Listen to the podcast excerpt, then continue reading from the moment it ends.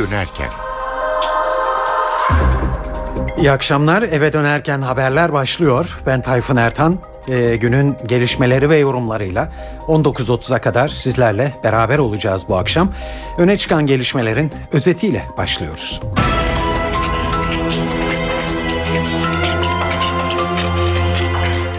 Adalet Bakanı Sadullah Ergin, Kürt sorununa çözüm süreciyle ilgili olarak NTV'ye özel açıklamalarda bulundu.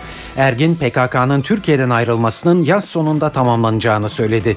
Bunun için yasal bir düzenleme yapılmayacağını, silahlı güçlerin geldikleri gibi gidebileceklerini belirtti. Uludere raporu bugün Meclis İnsan Hakları Komisyonu'nda görüşüldü ve oy çokluğuyla kabul edildi. CHP ve BDP komisyonun 34 sivilin ölümüyle sonuçlanan bombardımanla ilgili olarak olayda kasıt yoktur sonucuna varmasını kabul etmedi. Kadınlara çocuk sayısına göre erken emeklilik imkanı sağlayacak düzenlemenin kapsamı genişletiliyor, doğum izni de 4 aydan 6 aya çıkartılacak. Ve Almanya'da 8'i Türk toplam 10 kişinin öldürüldüğü neonazi cinayetleri davası 17 Nisan'da başlıyor.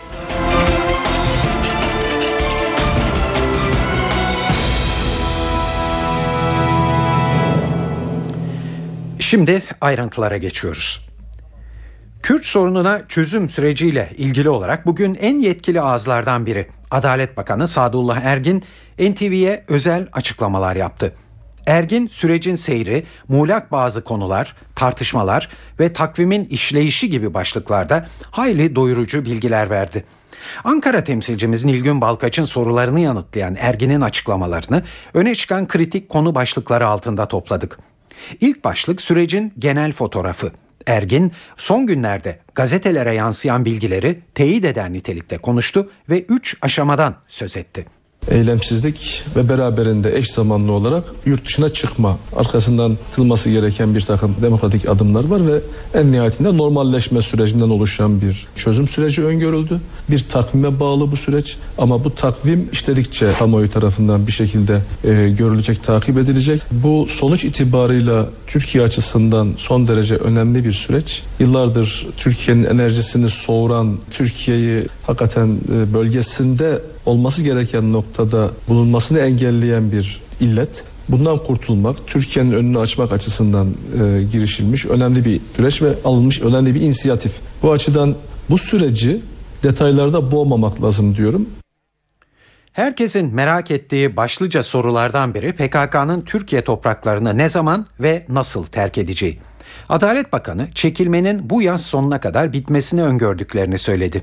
Ergin, PKK'lıların çıkışı için geldikleri yöntem neyse Türkiye'yi öyle terk edecekler dedi. Tabii bunu e, toplumun gözü önünde e, şuradan 3 kişi çıktı buradan 5 kişi çıktı şeklinde bir belki tablo olmayacak ama bunu herkes algılayacak e, toplum bunu hissedecek. Şu anda yaşanmaya başladı mı bölgede?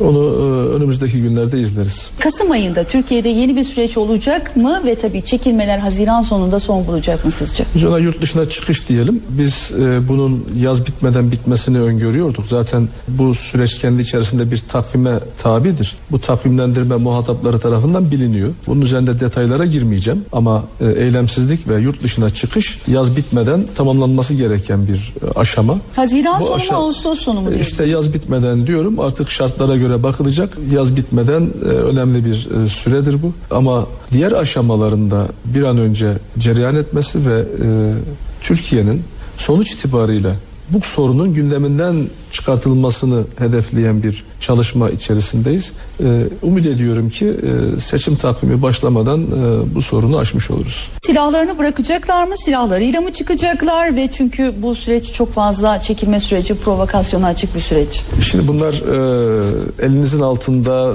tasarrufunuzda olan unsurlar değil ki. Bunlar zaten e, terörle mücadele çerçevesinde zaman içerisinde mücadele eden ama zaten kamu otoritesinin tasarrufu dışında olan unsurlar. O açıdan bu noktada e, geldikleri yöntemler neyse bunlar e, o yöntemlerle bu ülkeyi terk edeceklerdir. Yani muhtemelen silahları kendi üzerlerinde olacak diyebilir miyiz? E, onun detaylarına girmeyeyim. Peki Kandil'le BDP'nin çekilme eylemi ve İmralı'da yürütülen görüşmeler için yasal güvence sağlanması talebi karşısında ne yapılacak? Adalet Bakanı çekilme için yasa çıkartılmayacak diyor.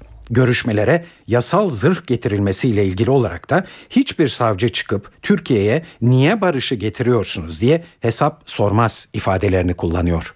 Bunu söyleyenler 1999'da yurt dışına çıkış denemesi esnasında yaşanan bir takım hadiselere de atıflar yapıyorlar. Geçmişte yaşananlar 99'da, efendim 2010'da, 2011'de vesaire. Şimdi 2013'teyiz. Türkiye'nin şartları geçmişteki şartlar değil artık ve bugünün şartlarında bu birinci aşama açısından tür tedbirlere ihtiyaç olmadığını düşünüyorum. Yasal bir düzenlemeye ihtiyaç yok diyorsunuz. Bu aşamada evet. Ama bir kaygı var. Bir savcı çıkıp da bir yasal e, bir dava açarsa çok zorda kalabiliriz diye. Ne Bu- diyecektir bir savcı çıktığında e, siz niye Türkiye'ye barışı getirmeye çalışıyorsunuz diye hesap mı soracaktır? Ya da akan kanın, akan gözyaşının dindirilmesi için niçin gayret ediyorsunuz diye mi soracaktır? Bu suçsa ben bu suçu işliyorum burada. Sayın Bakan e, sınır dışına çekilmeler başladı ya da başlayacak ya da bizim görmediğimiz kadarıyla başladı diyebiliriz. Bunun için yasal düzenlemeye ihtiyaç olduğu söyleniyor ki Karayılan yaptığı açıklamada da mutlaka bir yasal düzenlemeye ihtiyaç var dedi. Sizce yasal düzenlemeye ihtiyaç var mı? Biraz önce ifade ettim.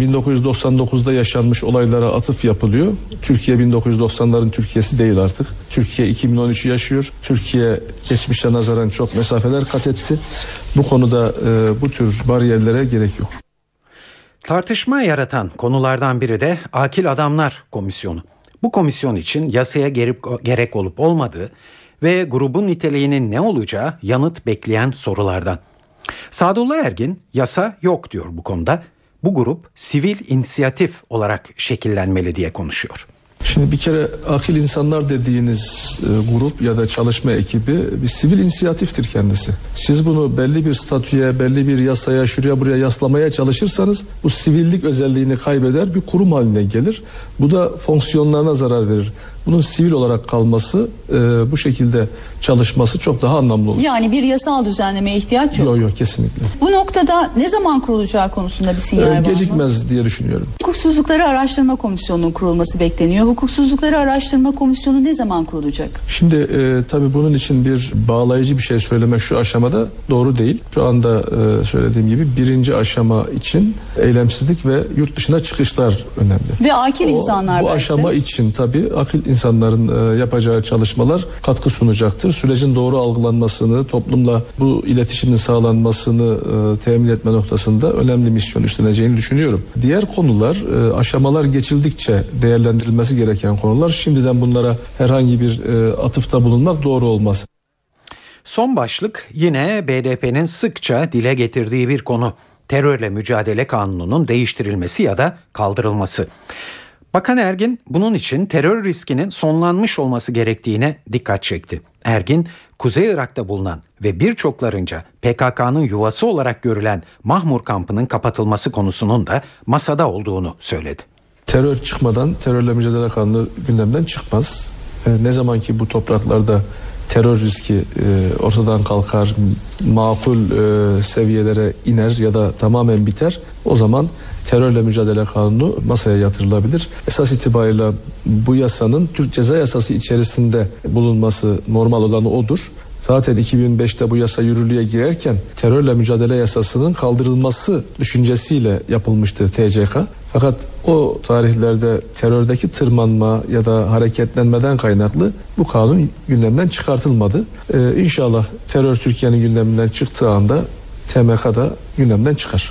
Mahmur kampının kapatılması için Birleşmiş Milletler nezdinde bir girişimde bulundunuz mu? Şimdi tabii ki Mahmur kampının varlığı da bu şekilde işleyişi de bu sorunun bir parçası. Netice itibariyle biz bu sorunu tamamen ortadan kaldırmayı düşünüyorsak o kamp için de orta ve uzun vadede farklı çözümler getirmek durumundayız. Mahmur kampının kapatılması birinci, ikinci, üçüncü aşama hangi aşamada gündeme gelecek?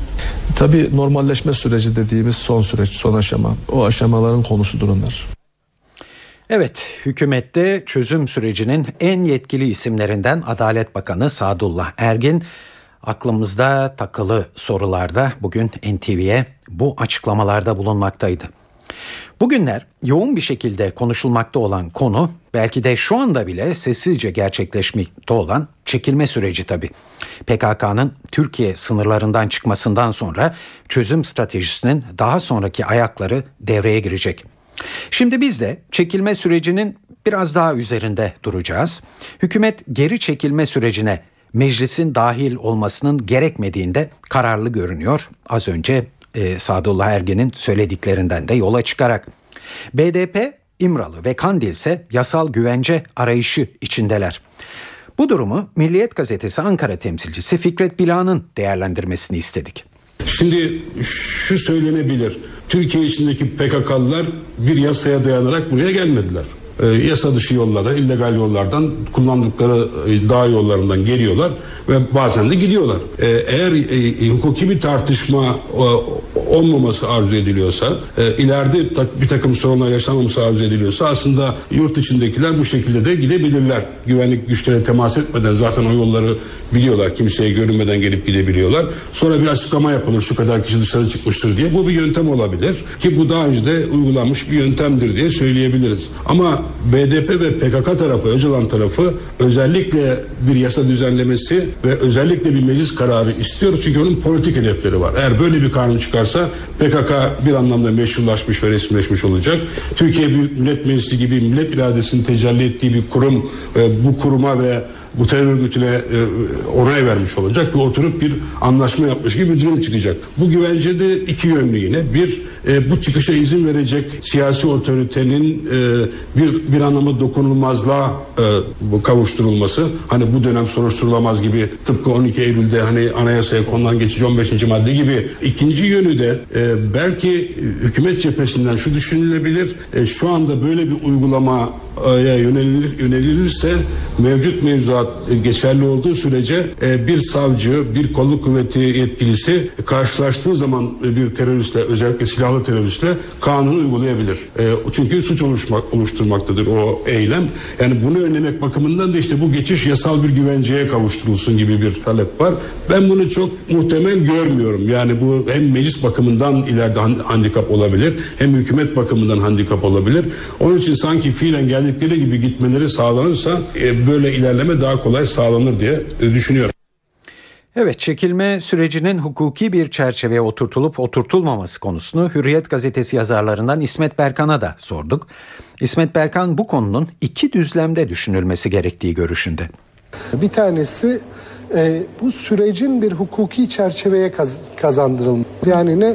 İşte bir takım milletvekilleri İmralı'dan gelen bir mektubu alıyorlar, Kandil'e götürüyorlar. Tam da bu suçtan ötürü şu anda hapiste bulunan 20 civarında avukat var. Az kalsın savcılar MİT müsteşarını yargılayacaklar. E, bu sebeple onun için özel yasalar çıktı.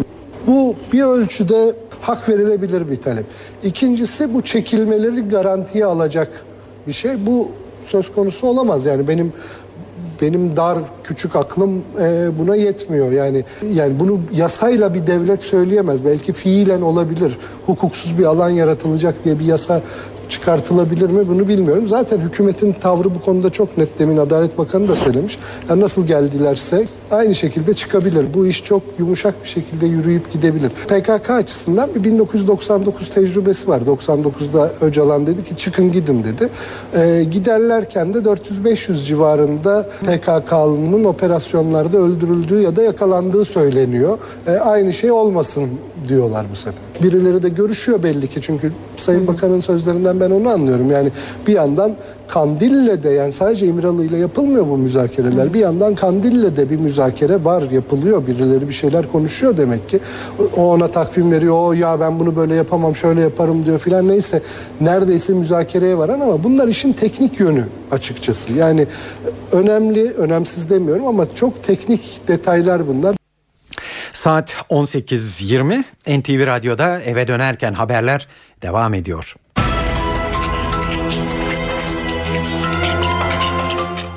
Hazırlanması bir buçuk yıl süren Uludere raporu bugün Meclis İnsan Hakları Komisyonu'nda görüşüldü ve oy çokluğuyla kabul edildi.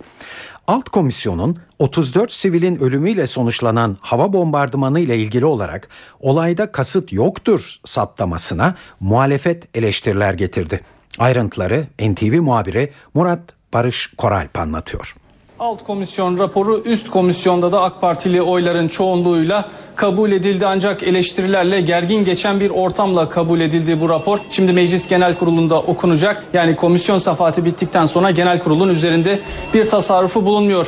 Geçelim eleştirilere. İnsan Hakları Komisyonu Başkanı Ayhan Seferüstü'nün bizzat AK Partili komisyon başkanı olarak ifade ettiği eleştiriler vardı. Savcılık gizlilik kararı alana kadar bu süreç demokratik ülkelerde nasıl ilerliyorsa öyle ilerliyordu ancak Diyarbakır Cumhuriyet Başsavcılığı'nın gizlilik kararıyla komisyon çalışmaları akamete uğradı dedi Ayhan Seferüstün. İhsan Şener Uludere Alt Komisyon Başkanıydı. Çok yoğun bir eleştiriye muhatap oldu bugün. Ancak komisyon raporuna ilişkin vicdanım rahat dedi İhsan Şener son söz olarak bunu kayıtlara geçirdi. Geçelim muhalefetin tepkilerine. CHP'li Levent Gök'ün çok yoğun tepkisi, çok yoğun muhalefeti vardı. Demokrasi ve insan hakları açısından kara bir leke olarak niteledi raporu ve raporda vicdan, insan hakları, özür hiçbir şey bulunmuyor dedi. Olayı örtbas etmeye yönelik bir çaba olarak değerlendirdi Levent Kök. MHP'nin e, eleştirisini de şöyle özetlemek mümkün. Atilla Kaya, MHP'nin genel başkan yardımcısı sıfatıyla Heron görüntülerini inceleyen komisyon dinlenmeliydi. Meseleyi dağıttık ve ortaya hiçbir şey koyamadık eleştirisinde bulundu. Ertuğrul Kürkçü ki kendisi BDP'li üye İnsan Hakları Komisyonu'nda olayın faili olarak Genelkurmay Başkanlığı'nı bizzat sorumlu tuttu ve Genelkurmay Başkanlığı'nın bu olayı üstlenmesi, sahiplenmesi gerekirdi ifadelerini kullandı. Dev Sol davası düştü. Yargıtay 32 yıldır süren devrimci sol örgütü ana davasını düşürdü. Daire kararı zaman aşımı gerekçesine dayandırdı. Sıkı Yönetim Mahkemesi'nde 1981'de başlayan ve daha sonra gönderildiği Üsküdar 1. Ağır Ceza Mahkemesi'nde 18 yıl süren Dev Sol ana davasında 39 sanık ağırlaştırılmış müebbet hapis cezasına çarptırılmıştı. 999 sanığın davası ise zaman aşımından düşmüştü. Yargıtay 9. Ceza Dairesi Üsküdar Ağır Ceza Mahkemesi'nin hem zaman aşımından düşme kararını onadı hem de 39 sanık hakkında verdiği ömür boyu hapis cezalarını düşürdü. Karar sanıklara önümüzdeki günlerde tebliğ edilecek. Hükümet kadınlara çocuk sayısına göre erken emeklilik imkanı sağlayacak düzenlemenin kapsamını genişletmeyi planlıyor. Halen iki çocuk için tanınan erken emeklilik imkanı 3 çocuğa çıkarılabilir. Çocuk başına 2 yıl erken emeklilik imkanı düşünüldüğünde 3 çocuğu olan bir kadın 6 yıl önce emekli olabilir. Açıklama Çalışma ve Sosyal Güvenlik Bakanı Faruk Çelik'ten geldi.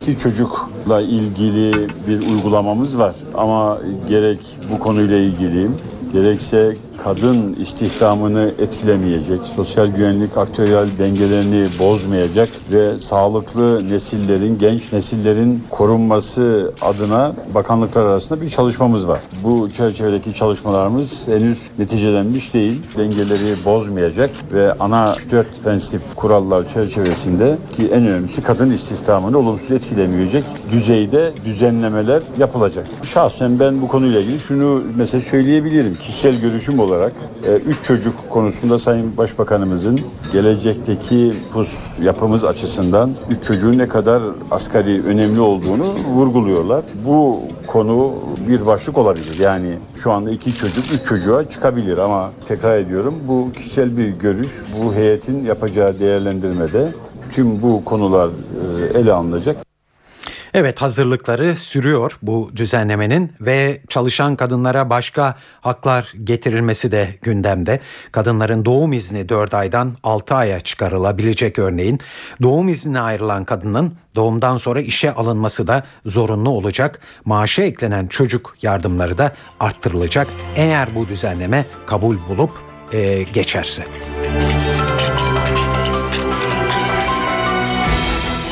Sürücü kursları ile ilgili yönetmelik değişiyor. Yeni düzenleme ile ehliyet almak daha zor olacak. Yönetmeliğe göre teorik ve direksiyon eğitiminde devam zorunluluğu olacak örneğin. Direksiyon derslerinde 5'te 1 oranında devamsızlık yapan adaylardan kurstan kayıtları silinecek.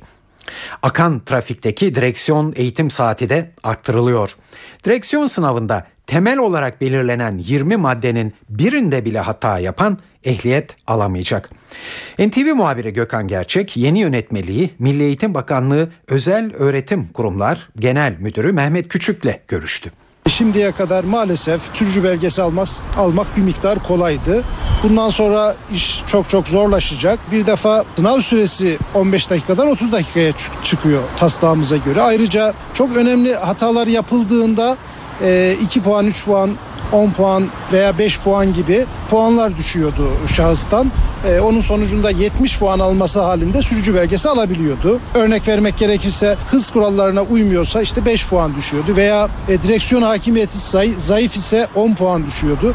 Oysa direksiyon hakimiyeti zayıf olan birisinin kaza yapma riski çok yüksektir. Yeni hazırladığımız taslakta eğer direksiyon hakimi hakimiyeti iyi değilse belge alamayacak. Bir hata ile belge almak imkansız hale gelecek. Yeni sistemle tek bir hatada bile sınavınız geçersiz sayılacak böyle anlıyoruz.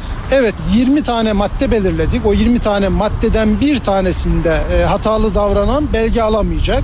Onun dışında biraz daha küçük 7 tane hata belirledik. Onların iki tanesini aynı anda yapan kişi sürücü belgesini alamayacak. O 7 maddeden birisini e, yerine getirmesi alabilecek. Ama önemli olan konu sizin de bahsettiğiniz gibi 20 tane konuda birinciyi, birinci hatayı yapan belge alamayacak. Trafiğe çıkamayacak hemen adaylar. Simülatör üzerinde de çalışmak gerekecek herhalde. E, direksiyon üzerindeki e, kurs süresinin saatleri de uzatılıyor. 12 saat süreyle direksiyon eğitimi almak gerekiyor ama onun öncesinde de simülatör eğitimleri verilecek. Efendim şu andaki mevcut düzenimize göre pist alanı kullanma zorunlu. Ee, fakat e, yaptığımız denetimlerde pist alanlarının kullanılmadığını e, hatta bazı pist alanlarında hiç çalışma yapılmadığını gördük. Ya sürücü kursları pist alanı yapacak, pist alanı yapmıyorlarsa simülatör alacaklar ve simülatör üzerinde temel eğitimi verecekler. Temel eğitimde hazır olduktan sonra şahıs akan trafikte eğitimlere başlayacak. B sınıfı için 12 saat olarak planladık. Bundan önce B sınıfı için 10 saatte akan trafikte 2 saatlik bir artışımız var. Milli Eğitim Bakanı Nabi Avcı okullarda serbest kıyaset uygulamasının zorunlu tutulmayacağını, veli kararıyla formaya devam edilebileceğini söyledi. Bakan Avcı Sivas'ta bir devlet okulunda velilerin serbest kıyafet uygulamasına karşın formaya devam etme kararı almasını buna örnek gösterdi. Başka okullarda bu yönde karar alabilir, mevcut yönetmelikte bu konuda bir yasak yok dedi. Avcı tıpkı özel okullarda olduğu gibi devlet okullarında da serbest kıyafet kararını velilerin verebileceğini söyledi. Okul kantinleri için yeni kriterler yürürlükte. Öncelikli hedef okul çalışanlarının hijyen koşulları. Buna göre artık yiyecekleri hazırlayan personel özel kıyafet giyecek bone, maske ve eldiven kullanmak zorunlu olacak. Kantin personelinin de tırnakları kısa ve ojesiz olacak. Makyaj malzemesi ya da aksesuar kullanılmayacak ve kantin çalışanlarına Nisan ayından itibaren de eğitim verilecek. Ayrıntıları Tarım Bakanı Mehdi Eker açıkladı. Özel hijyen kılavuzu hazırladık okul kantinlerine dönük. Burada okul kantinlerinde uyulması gereken buna ait bu kılavuzda pratik bilgiler var, pratik unsurlar var ve bu özel hijyen kuralları yönetmeliğini yayınlamakla birlikte burada bu okul kantinlerde, okul kantinlerinde çalışanların eğitiminden başlamak üzere ki bu zorunlu bir eğitim olacak, mecburi bir eğitim olacak ve önümüzdeki aylarda başlıyor Nisan ayından itibaren. Süre veriliyor. Belirli bir süre içerisinde Türkiye'deki bütün kantinlerde çalışanların hepsi bu eğitimi almış olacak. Bu eğitimi almayan olursa tespit edildiğinde ceza kesilecek. Onların çalışmasına izin verilmeyecek. Afyon Karahisar'da valilik tarafından başlatılan içki yasağı yargıdan döndü. Afyon Bölge İdare Mahkemesi yasak anayasaya aykırı dedi. Mahkeme valiliğin yasal dayanağı ve yetkisi olmadan yasaklama kararı aldığına hükmetti. Ayrıca açık alanda içki kullanımının suç teşkil etmediğinin de altı çizildi. Mahkeme kararı üzerine açıklama yapan vali İrfan Balkanlıoğlu, içki yasağı kararını mevzuata uygun aldıklarını belirtti. Vali yasağın arkasında durmaya devam ederken milletin rahatsız edilmesine izin vermeyeceğiz, kararı temiz edeceğiz diye konuştu. Sağlık Bakanlığı elektronik sigaranın yasaklanması için çalışma başlattı. Bakan Mehmet Müezzinoğlu normal sigaraya bakışımız neyse elektronik sigaraya bakışımız da o diye konuştu. Bakan bu konuda düzenleme yapacaklarını ekledi. Son yıllarda sigarayı bırakmak isteyenler arasında gittikçe yaygınlaşan elektronik sigaranın sağlığa zararları konusunda uzmanların ciddi uyarıları var. Uzmanlar bu sigaraların bulantı, kusma, titreme, havale ve hatta ölüme bile yol açtığını ileri sürüyor. Elektronik sigara ithalatı ve satışının eczaneler dahil her yerde yasaklanması gündemde. Ürünün reklamlarının durdurulması, yasa dışı yollardan ithal edip satanlara yönelik cezaların arttırılması da planlanmakta. 2008 yılında yapılan düzenleme ile zorlaştırılan ruhsatlandırma süreci de tamamen kaldırılacak. Böylelikle elektronik sigara için ruhsat başvurusu bile yapılamayacak.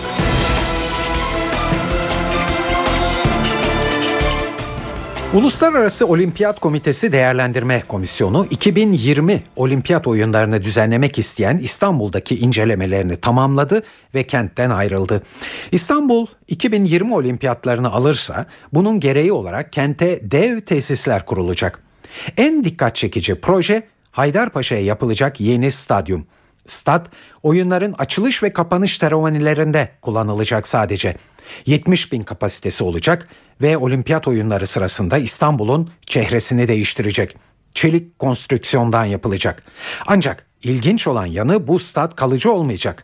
Olimpiyat oyunları bitince stat deyim yerinde ise sökülüp kaldırılacak. Yeni statla ilgili ayrıntıları Spor Bakanı Suat Kılıç şöyle açıkladı.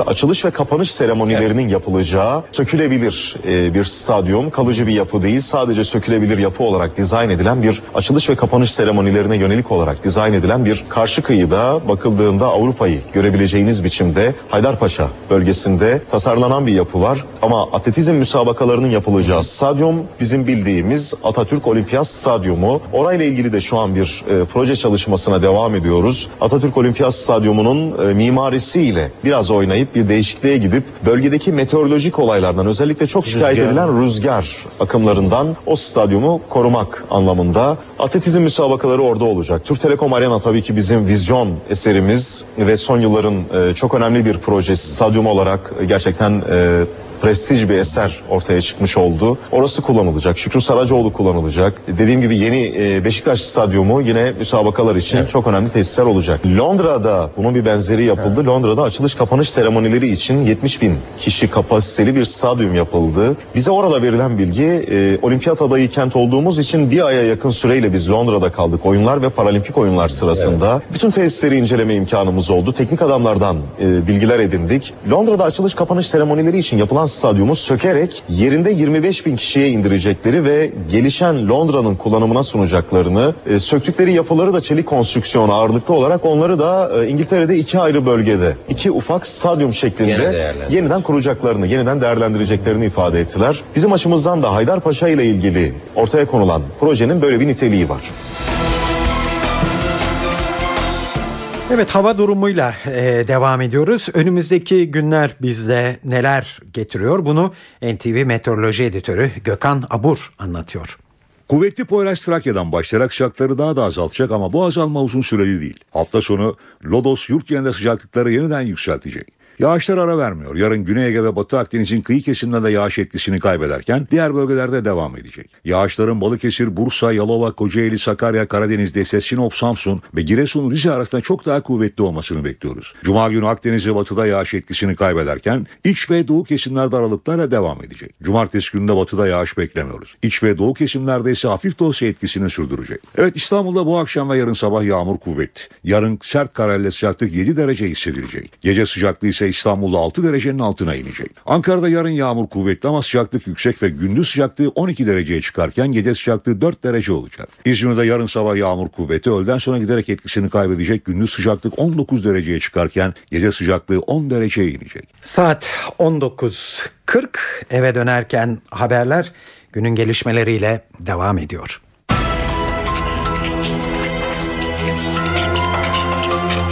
Evet şu ana kadar size Türkiye'den haberler sunduk. Şimdi de e, dünyada en çok konuşulan haberler ne onlarla devam edelim isterseniz. E, Almanya'da 8'i Türk toplam 10 kişinin öldürüldüğü neonazi cinayetleri davası 17 Nisan'da başlıyor. Münih mahkemesinde görülecek davaya Türk basını büyük ilgi gösterdi ve akreditasyon için onlarca gazeteci başvuruda bulundu. Ancak mahkeme Türkiye'den yapılan başvuruların tamamını geri çevirdi. 50 kişilik basın mensubu listesinde hiçbir Türk gazeteciye yer verilmedi. Bu durum Türk basınına ambargo uygulanıyor yorumlarına neden oldu. Ayrıntıları Deutsche Welle Türkçe servisinden Başak Özay anlatıyor. Mahkemenin bu konuda bir açıklaması var. Mahkemenin gerekçesi en hızlı şekilde müracaat eden akreditasyon konusunda ilk 50 gazeteciye mahkeme salonunda yer ayrılacağı, rezervasyon yapılacağı yönündeydi, yapıldığı yönündeydi. Ve anlaşılan o ki bu en hızlı müracaat eden 50 kurum arasında Türk gazetecileri bulunmuyor. Ancak bunu Anadolu Ajansı'ndan Cüneyt Karadağ'la değerlendirdik dün ve kendisi yaklaşık bir, bir buçuk ay önce müracaat ettiklerini ve böyle bir gerekçenin geçerli olamayacağını, bunu kabul edemeyeceklerini söyledi. Bir ilginç nokta daha var. Davayı mahkeme salonunda takip edecek 50 kişilik gazeteci arasında Reuters ve iki Hollanda ajansı dışında uluslararası bir kurum da bulunmuyor. Yani Türk gazetecilerinin yanı sıra BBC, New York Times gibi büyük kuruluşlar da bu mahke bu davayı mahkemeden izleyemeyecek. Uluslararası Af Örgütü Türkiye'de düşünce özgürlüğünü değerlendirdi ve hazırlanan raporda Ankara eleştirilmekte. Örgüt Türkiye'de geçen yıllarda çok sayıda yasal reform yapıldığını ancak buna rağmen düşünce özgürlüğünün ciddi biçimde kısıtlı olduğunu vurguladı. Uluslararası Af Örgütü'nün Türkiye uzmanı Parlamento yasaları uluslararası standartlara kavuşturmalı ve düşünce özgürlüğünü korumalı diyor. Raporda terörle mücadele yasası ve Türklüğe hakareti düzenleyen 301. maddenin varlığının kabul edilemez olduğu belirtiliyor. Kore Yarımadası'nda nükleer savaş çıkma riski var. Bu uyarı Kuzey Kore'den geldi. Kuzey Kore Birleşmiş Milletler Güvenlik Konseyi'ni bu konuda bilgilendireceğini duyurdu. Pyongyang yönetimi bu durumdan Amerika Birleşik Devletleri'ni ve kendi ifadesiyle Güney Kore'nin şahin davranışlarını sorumlu tuttu. Kuzey Kore, Amerikan üslerine saldırı tehdidinde de bulundu. Güney Kore ile ortak tatbikat düzenleyen Amerika Birleşik Devletleri ise her türlü saldırıya karşı hazırlıklı olduğunu açıkladı. Kıbrıslı Rumlar krizle başa çıkabilmek için Avrupa Birliği ve IMF'le kurtarma paketi üzerinde anlaştı anlaşmasına ama Güney Kıbrıs'a hala belirsizlik hakim. Bir haftadır kapalı olan bankaların açılması yarına bırakıldı. Sokakta endişe var. Özellikle adada yaşayan yabancılar ülkelerine geri dönmeyi planlıyor. Adadaki havayı NTV Lefkoşa muhabiri Selim Sayarı anlatıyor. Evet e, hakikaten yarın kader günü çünkü 6 iş günü bankalar kapalıydı. Toplam süre 10 günü aştı. E, piyasa durdu. E, yaprak kıpırdamıyor. Rum bankaları hazırlıklar tamamlanabilirse yarın yeniden işlemlerine başlayacaklar. Tabii bu noktada banka şubelerinin ve nakit transferlerinin e, güvenliği çok önem taşıyor. Dünyaca ünlü İngiliz güvenlik şirketi G4S bu güvenlik hizmetini verecek. E, yarın en fazla mevduat bulunan Laiki Bank'la Kıbrıs Bankası şubelerinin yanı sıra nakit transferlerini, zırhlı araçları ve diğer tüm bankaları G4S şirketi İngilizlerin dünyaca ünlü G4S şirketi sağlayacak. Hükümet bankalar açıldığında aşırı mevduat çekilişinin önüne geçilmesi amacıyla bir takım tedbirler alma çalışıyor. Rum Maliye Bakanı Kıbrıs'tan sermaye kaçışını durdurmak için tedbirlerin yürürlüğe gireceğini ve bunun haftalarca gündemde olacağını, yürürlükte olacağını açıkladı. E, Güney Kıbrıs'ta bankalar açıldığında mevduatların akıbetinin ne olacağı henüz bilinmiyor. 100 bin euro üzerindeki mevduatlar dondurulacak. 100 binin üzerindeki mevduatlardan %40 kesinti yapılacak.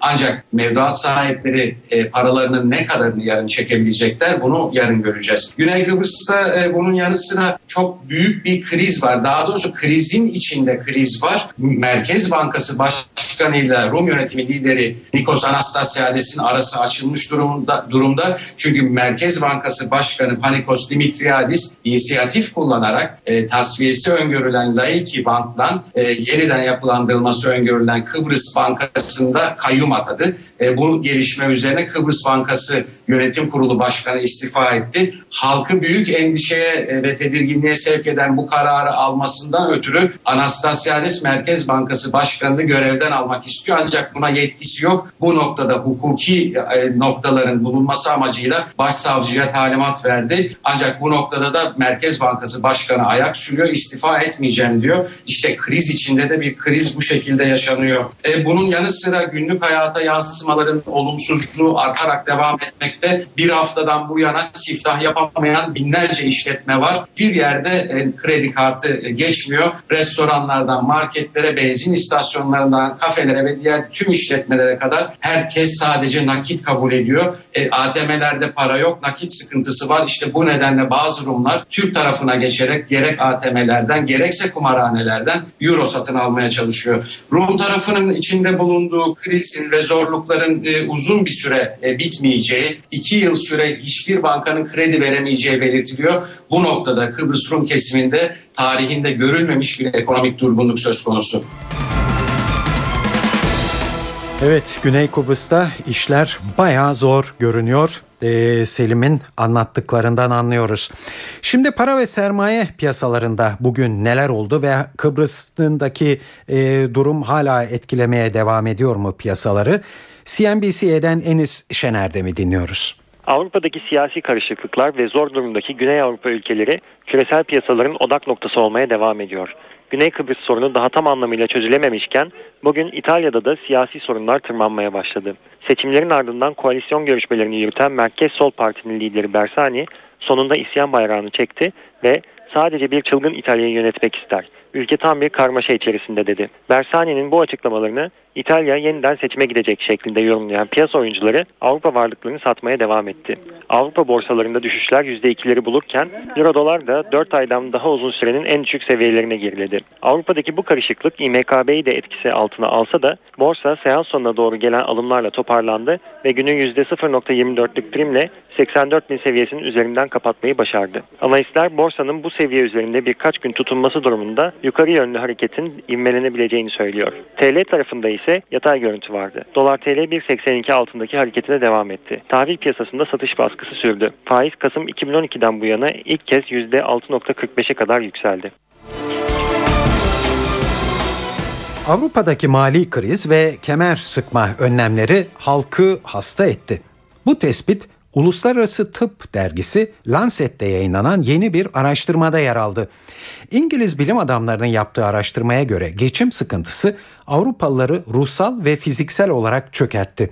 Özellikle Yunanistan, Portekiz, İtalya ve İspanya'da işsizlik korkusuyla parasızlık intihar oranlarını arttırdı.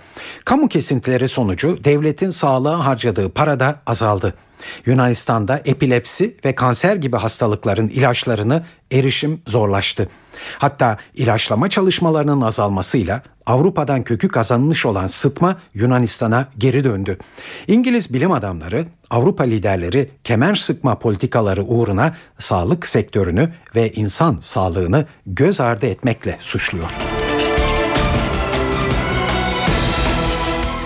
Amerikan gizli servisinin 148 yıllık tarihinde bir ilk yaşandı.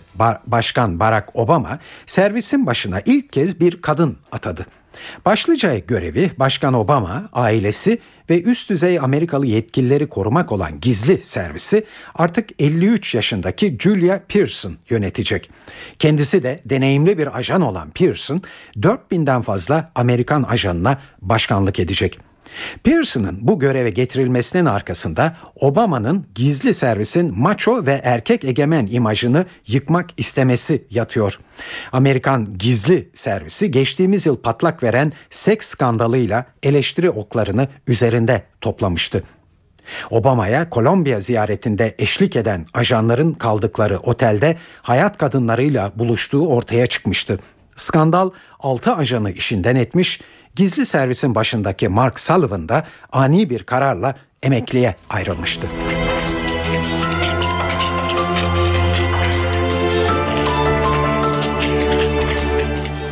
Fransa'da bir laboratuvar kötü anıların yarattığı stresi unutturan bir ilaç geliştirdi. Propanolol adı verilen ilaç kaza, tecavüz, afet, aile içi şiddet gibi şok edici ve travmatik olayların stresini yok edebiliyor ya da çok azaltıyor. Hapı kullanan deneklerin %70'inin stresten tamamen kurtulduğu söylenmekte. Ayrıntıları NTV Fransa muhabiri Kayhan Karaca'dan alıyoruz. Savaş, işkence, afet, trafik kazası, tecavüz, aile içi şiddet, terör saldırısı, taciz veya patlama gibi şoke edici olayların ardından yaşanan travmanın yarattığı stres yakın bir gelecekte ortadan kalkabilir. Fransız uzmanlar ruhsal travma sonrası yaşanan stresi ortadan kaldırıcı bir ilaç geliştirdi. İlaç Toulouse kentindeki travmatik stres laboratuvarında 2007 yılından bu yana yürütülen çalışmalar sonrası oluştu. İlaç aslında bugüne kadar propranolol adıyla pazarlanıyor ancak sadece migren ve hipertansiyon tedavilerinde kullanılıyordu. Fakat Fransız uzmanlar ilacın molekülünün ruhsal travma sonrası stresi tedavi ettiğini de keşfetti. İlaç için Fransa, Kanada ve ABD'de insanlar üzerinde yürütülen deneylerin olumlu sonuçlar vermeye başladığı açıklandı. Bu deneyler sonrası ruhsal travmaya bağlı stresin ya tamamen ya da büyük ölçüde kaybolduğu belirtiliyor. Denekler üzerinde yürütülen tedavinin haftada bir kere ve iki saatlik olmak üzere toplam 6 seanstan oluştuğu bildiriliyor. Uzmanlar bu seanslarda kendilerine jenerik propranolol hapı verilen hastaların 6 seans sonra sonra yıllar önce yaşadıkları travmanın stresini büyük ölçüde üstlerinden attıklarını hatta hastaların %70'inin tamamen stresten kurtulduğunu söylüyor. İlaç tedavisi sonrasında travma yaşamış kişilerde görülen aşırı terleme, kalp atışlarının hızlı atması gibi semptomların ortadan kaybolduğunun gözlemlendiği de belirtilmekte. Fransız uzmanlar geliştirilen ilacın davranış bozukluklarının tedavisinde olduğu kadar antidepresanlara karşı alternatif olduğunu da söylüyorlar. Kayhan Karaca, NTV Radyo, Strasbourg. A milli futbol takımı 2014 Dünya Kupası'na katılma şansını mucizelere bıraktı. Milliler kritik maçta dün akşam Kadıköy'de Macaristan'la bir bir berabere kaldı. Grupta üst sıralara tırmanma şansını yitirdi. Futbolcular ve teknik kadro maç sonu üzüntü içindeydi. Teknik direktör Abdullah Avcı Macaristan önünde oynanan futbolun karşılığını alamadıklarını söyledi. Özellikle bugün çalıştığımız bütün senaryoları oyunun içinde takım son derece dengeli, kompak, çok isteyerek, oyun disipline sadık kalarak, çok fazla pozisyona girerek her şeyi denediler. Yani bu anlamda bir şey söyleyecek hiçbir şey bulamıyorum. Taç atışı veya duran toplarda etkili olabilecek bir takım. Çünkü size'ları son derece uzun. Bir ilk yarıda duran toptan verdiğimiz pozisyon İkinci yarıda da taçtan tamamen oyunun kontrolü de elimizde giderken. Ondan sonra da oyunu çevirmek için her şeyi denediler. Ama oyunun içinde bazen bu futbolun içinde ol, olabilecek senaryolar çıktı. Bir taç. Semih topu son anda görüyor. Sekiyor önünde. Rakibin önüne geliyor. Onur'un kafasına çarpıyor. 90'a gidiyor. Bunun artık yapacak bir şey yok ama ben oyuncularım hakikaten bugün çok istediler. Her şeyi denediler. Çok fazla pozisyona girdiler. Her türlü pozisyona rakibin arkasına koşu yaptılar. İkiye birlerle denediler. Kenar ortalarla denediler. Çok da girdiler. Çok istediklerini alamadılar. Evet beğenmiş görünüyor Abdullah Avcı dün oynanan futbolu. Aslında maçı özetleyen değerlendirmeyi 90 dakika sonunda kameralar karşısında Arda Turan yaptı. Arda önce özür diledi ardından neden kazanamadıklarını anlattı. Kendisi anla maçları kazanamazsa Dünya Kupası'na gidemez. Her zaman dediğim gibi sorumlular futbolcular. Yani çok çok üzgünüm. Ölecek hiçbir şey yok yani. Şanssızlıkla alakası yok. Beceriksizlik yani. Şans kalenin önünden topu atamıyorsan içeriye atamadık. Attığımızda da çok kötü bir gol yedik. Var hala şansımız var ama neredeyse imkansız gibi yani. Çok çok zor. Söyleyecek bir şey yok. Türk halkından özür diliyoruz. Futbol bir takım oyunu. Böyle hatalar olur. Semih bu ülkenin yetiştirdiği en önemli oyunculardan biri. İnşallah bundan sonra daha dikkat Futbolda olur öyle şeyler. Yapacak bir şey yok. Semih'e gelene kadar kaç tane maç gördüm. Ya şu anda bir buçuk senelik bir milli takım zamanını boşa atmış olduk yani. Açıkçası bireysel olarak yıkılmış durumdayım. Ne yapacağımı bilmiyorum bu konuda. Herkesten özür diliyorum. Yapacak bir şey yok. Adalet Bakanı Sadullah Ergin, Kürt sorununa çözüm süreciyle ilgili olarak NTV'ye özel açıklama yaptı. Ergin, PKK'nın Türkiye'den ayrılmasının yaz sonunda tamamlanacağını söyledi.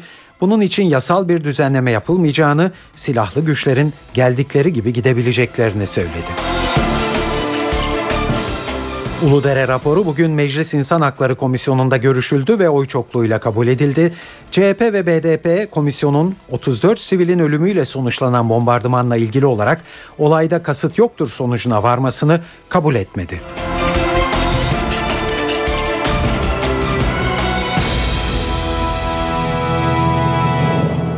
Şimdi ayrıntılar. Kürt sorununa çözüm süreciyle ilgili olarak bugün en yetkili ağızlardan Adalet Bakanı Sadullah Ergin NTV'ye özel açıklamalar yaptı. Ergin sürecin seyri, muğlak bazı konular, tartışmalar ve takvimin işleyişi gibi başlıklarda doyurucu bilgiler verdi.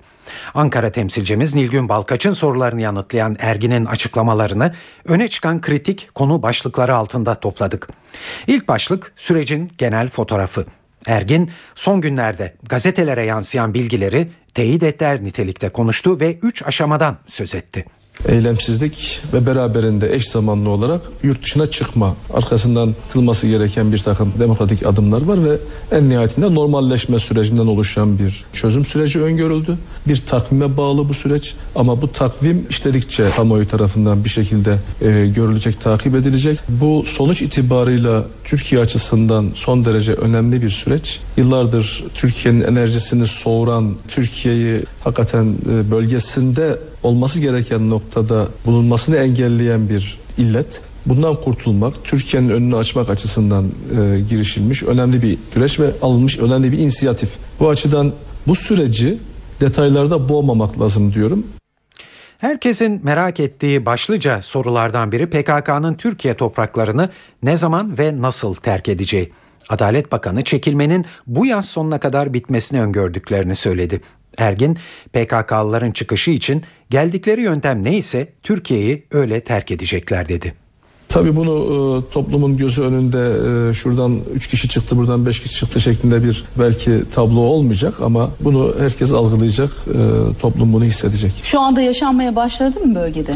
Onu e, önümüzdeki günlerde izleriz. Kasım ayında Türkiye'de yeni bir süreç olacak mı ve tabii çekilmeler Haziran sonunda son bulacak mı sizce? Biz ona yurt dışına çıkış diyelim. Biz e, bunun yaz bitmeden bitmesini öngörüyorduk. Zaten bu süreç kendi içerisinde bir takvime tabidir. Bu takvimlendirme muhatap muhatapları tarafından biliniyor. Bunun üzerinde detaylara girmeyeceğim ama e, eylemsizlik ve yurt dışına çıkış yaz bitmeden tamamlanması gereken bir e, aşama. Haziran Bu sonu aşa- mu Ağustos sonu mu? E, işte yaz bitmeden diyorum artık şartlara göre bakılacak. Yaz bitmeden önemli bir süredir bu. Ama diğer aşamalarında bir an önce cereyan etmesi ve Türkiye'nin sonuç itibarıyla bu sorunun gündeminden çıkartılmasını hedefleyen bir çalışma içerisindeyiz. Ee, umut ediyorum ki e, seçim takvimi başlamadan e, bu sorunu aşmış oluruz. Silahlarını bırakacaklar mı? Silahlarıyla mı çıkacaklar? Ve çünkü bu süreç çok fazla çekilme süreci, provokasyona açık bir süreç. Şimdi bunlar e, elinizin altında,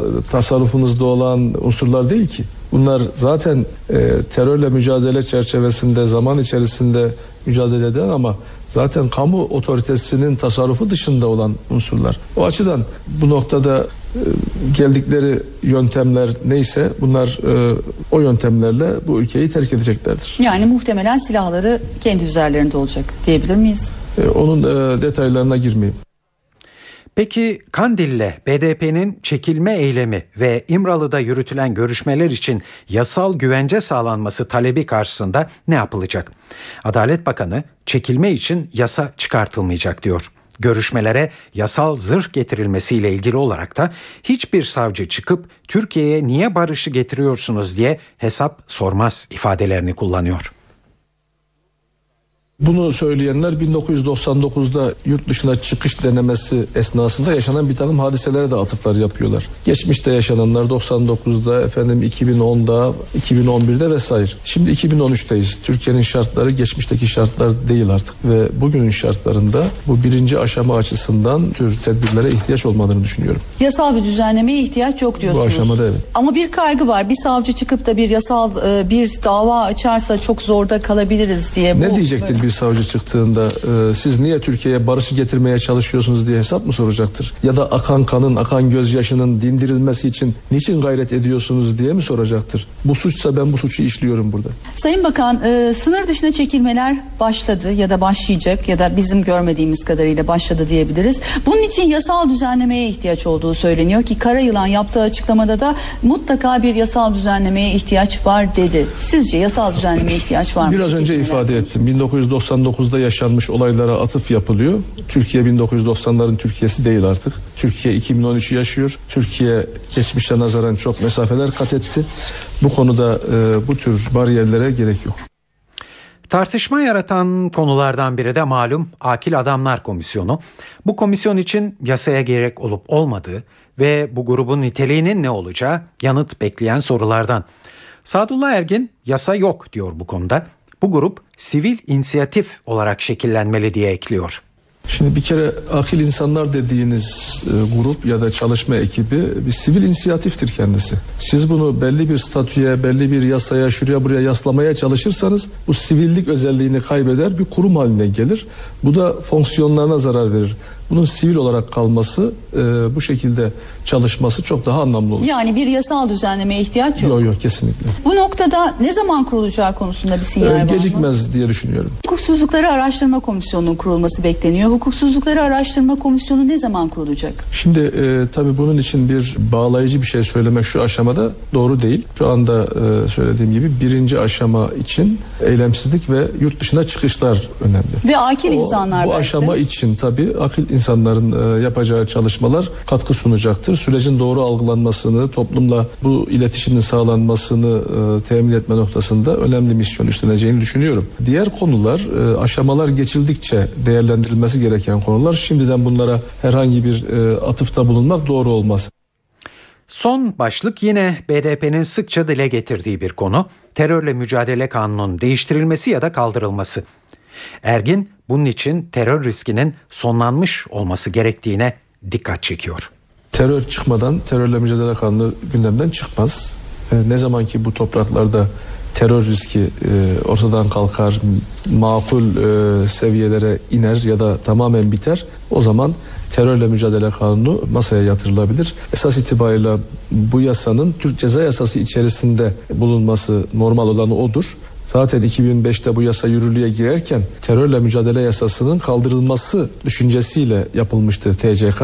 Fakat o tarihlerde terördeki tırmanma ya da hareketlenmeden kaynaklı bu kanun gündemden çıkartılmadı. Ee, inşallah terör Türkiye'nin gündeminden çıktığı anda TMK da gündemden çıkar. Mahmur kampının kapatılması için Birleşmiş Milletler nezdinde bir girişimde bulundunuz mu? Şimdi tabii ki Mahmur kampının varlığı da bu şekilde işleyişi de bu sorunun bir parçası. Netice itibariyle biz bu sorunu tamamen ortadan kaldırmayı düşünüyorsak o kamp içinde orta ve uzun vadede farklı çözümler getirmek durumundayız. Mahmur kampının kapatılması birinci, ikinci, üçüncü aşama hangi aşamada gündeme gelecek? Tabii normalleşme süreci dediğimiz son süreç, son aşama. O aşamaların konusudur onlar.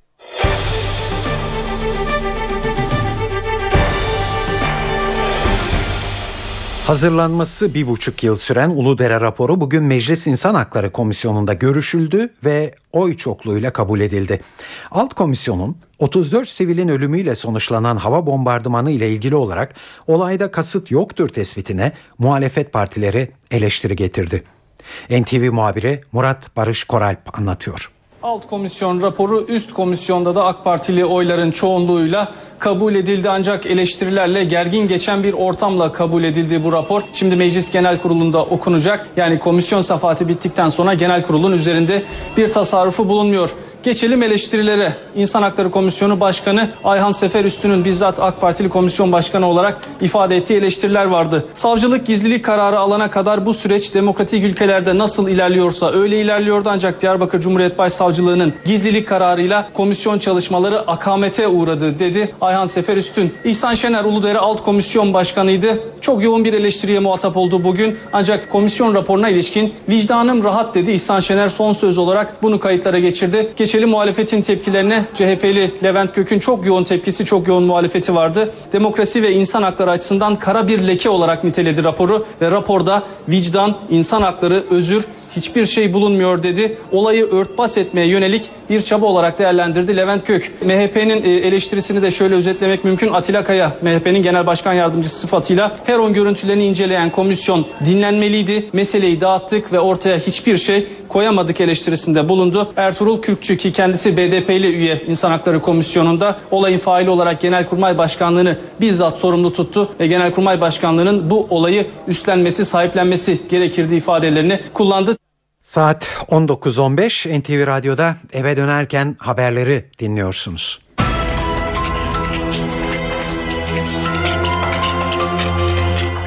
Afyonkarahisar'da valilik tarafından başlatılan içki yasağı yargıdan döndü. Afyon Bölge İdare Mahkemesi yasak anayasaya aykırı dedi. Mahkeme valiliğin yasal dayanağı ve yetkisi olmadan yasaklama kararı aldığına hükmetti. Ayrıca açık alanda içki kullanımının suç teşkil etmediğinin altı çizildi. Mahkeme kararı üzerine açıklama yapan vali İrfan Balkanlıoğlu, içki yasağı kararını mevzuata uygun aldıklarını belirtti. Vali yasağın arkasında durdu. Milletin rahatsız edilmesine izin vermeyeceğiz, kararı temiz edeceğiz diye konuştu. Katoliklerin yeni ruhani lideri Papa Francis makamının getirdiği bir ayrıcalığı elinin tersiyle itti. Francis papalara ayrılan özel dairede değil görevlilerin kaldığı Santa Marta rezidansında ikamet edeceğini açıkladı. Zira yeni papa ihtişamdan uzak sade bir hayat sürmek istiyor. Hem bu konudaki ayrıntıları hem de yeni papanın bir gününün nasıl geçtiğini NTV İtalya muhabiri Şeyda Kanepa'dan dinliyoruz. Mütevazi kişiliğiyle öne çıkan Papa Francis bu kez de Vatikan'daki papalık resmi rezidansı olan 300 metrekarelik lüks dairede kalmaktan vazgeçti. Vatikan sözcüsü Rahip Federico Lombardi'nin açıklamasına göre Papa Francis, Sistina Şapeli'nin yanında bulunan ve Papa seçimleri yapılırken kardinalleri ağırlayan Santa Marta rezidansında kalmaya devam edecek. Papa Francis'in kararının kalıcı olup olmadığı bilinmiyor. Ancak şimdilik hayatını Vatikan çalışanlarının bir nevi lojman olarak kullandığı ve San Pietro Katedrali'nin hemen arkasında yer alan bu rezidansa sürdürecek. Vatikan Dışişleri Bakanlığı başta olmak üzere devlet kurumlarında çalışan 40 kadar görevli ve rahip ile birlikte yaşayan Papa Francis'in geçtiğimiz gün bir ayin sonrası komşularına dev bir paskalya çikolatası hediye ettiği bildirildi. Buenos Aires'te yaşarken de kendisine tahsis edilen lüks piskoposluk rezidansında değil küçük bir apartman dairesinde yaşamayı tercih eden Papa Francis'in bir oda, mutfak ve banyodan oluşan apartman dairesinde basit bir tahta yatak üzerinde uyuduğu ve kış aylarında geceleri merkezi ısıtma sistemini söndürüp elektrikli bir soba ile idare ettiği biliniyor. Vatikan'daki Santa Marta rezidansında da bir yatak odası, bir küçük salon ve bir çalışma odasından oluşan bir dairede kalıyor. Papalara ev sahipliği yapan dairesine ise sadece pazar günleri haftalık Angelus ayini için gidiyor ve San Pietro meydanına açılan pencereden halka sesleniyor. Son derece geniş ve ihtişamlı olan papalık dairesine ilk girdiğinde çok şaşırdığı belirtilen Papa Francis'in burada 300 kişi yaşar yorumunu yaptığı düşünülürse ileride resmi konuta geçse bile mekanın sadece küçük bir bölümünü kullanacağı varsayılıyor. Şimdilik Papa Francis tam bir komün hayatı yaşadığı Santa Marta rezidansında kalıyor. Sabah 7'de içerideki kilisede rezidansta kalanlara, çalışanlara ve etrafı temizleyen çöpçüler, bahçıvanlar ve yolu düşen herkese açık bir ayin düzenliyor. Sonra en son saflara geçip dua ediyor. Rezidansta kalanlarla birlikte kahvaltı ettikten sonra günlük programına başlıyor. Öğle ve akşam yemeklerini yine aynı salonda misafirhanede konaklayanlarla birlikte sohbet ederek yiyor.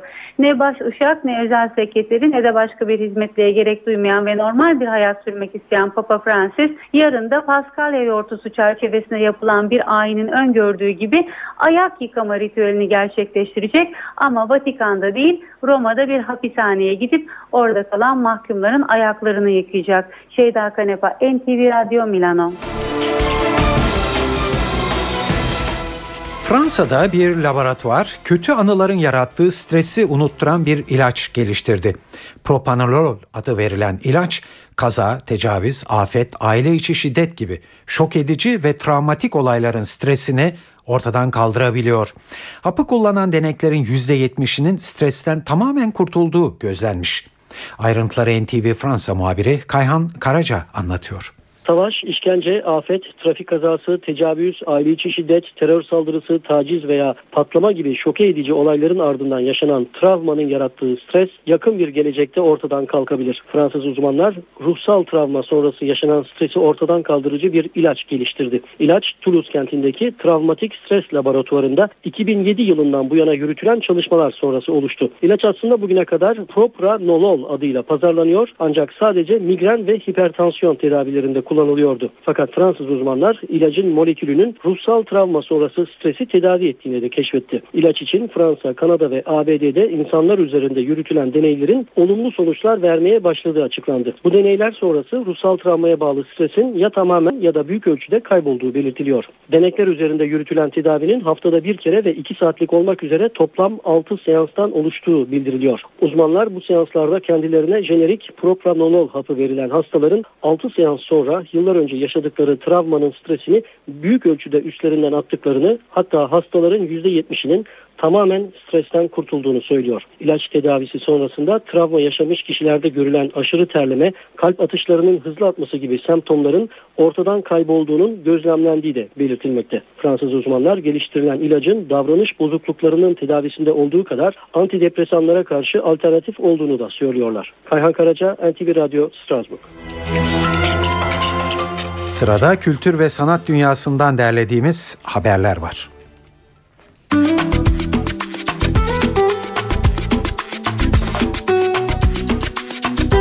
Salon İKSV Forenisis'i ağırlıyor bu akşam. İskandinav İngiliz caz üçlüsü son albümleri Walk in Dark için düzenlenen turne kapsamında salonda olacaklar. Grubun performansı saat 21.30'da başlıyor. American Dance Theater Odyssey Modern Romeo Juliet ise Türker İnanoğlu Maslak Show Center'da izlenebilir. Dünyanın en ünlü aşk hikayesinin modern zamanlara uyarlanmış dans versiyonu 27-31 Mart'ta Team Show Center'da olacak. Amerika'nın en iyi dans tiyatrolarından American Dance Theater Odyssey, Romeo ve Juliet'in günümüze uyarlanmış versiyonunu sahneleyecek. Gösterinin koreografisini aynı zamanda grubun kurucusu olan Derry Yeager ve Eldon Johnson üstleniyor. Etkinlik saati 21. Özge Fışkınsa Beyoğlu Hayal Kahvesi'nde buluşacak hayranlarıyla. Fışkın saat 24'te sahnede olacak. Ankara'da ise Göksel müzik severler için bir konser veriyor. Jolly Joker Ankara'daki konserin başlama saati 21. Akşam evdeyseniz CNBC'de bugün saat 22'de Matchstick Man adlı film izlenebilir. Ridley Scott'ın filmi iki üçkağıtçının başına gelenleri anlatıyor. Başrollerde kariyerindeki gerileme dönemine henüz girmemiş Nicolas Cage ile Sam Rockwell var. Öncesinde saat 19'da The Closer, 20'de Sullivan and Son, 20.30'da Political Animals adlı diziler ekranda olacak. E2'de de Mad Men izlenebilir saat 23.30'da.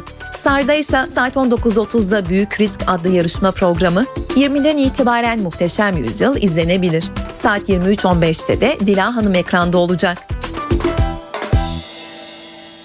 Evet eve dönerken haberleri e, burada noktalama zamanı geldi.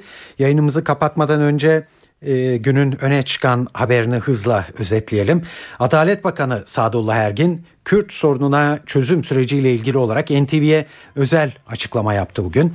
Ergin PKK'nın Türkiye'den ayrılmasının yaz sonunda tamamlanacağını söyledi.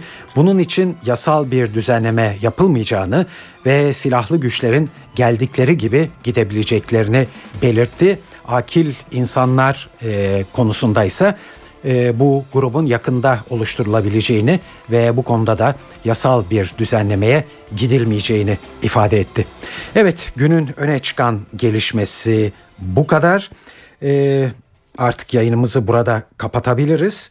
Bu akşam eve dönerken haberlerin editörlüğünü Sevan Kazancı, stüdyo teknisyenliğini Ceyhun Hoşol yaptı. Ben Tayfun Ertan. Hepinize iyi akşamlar.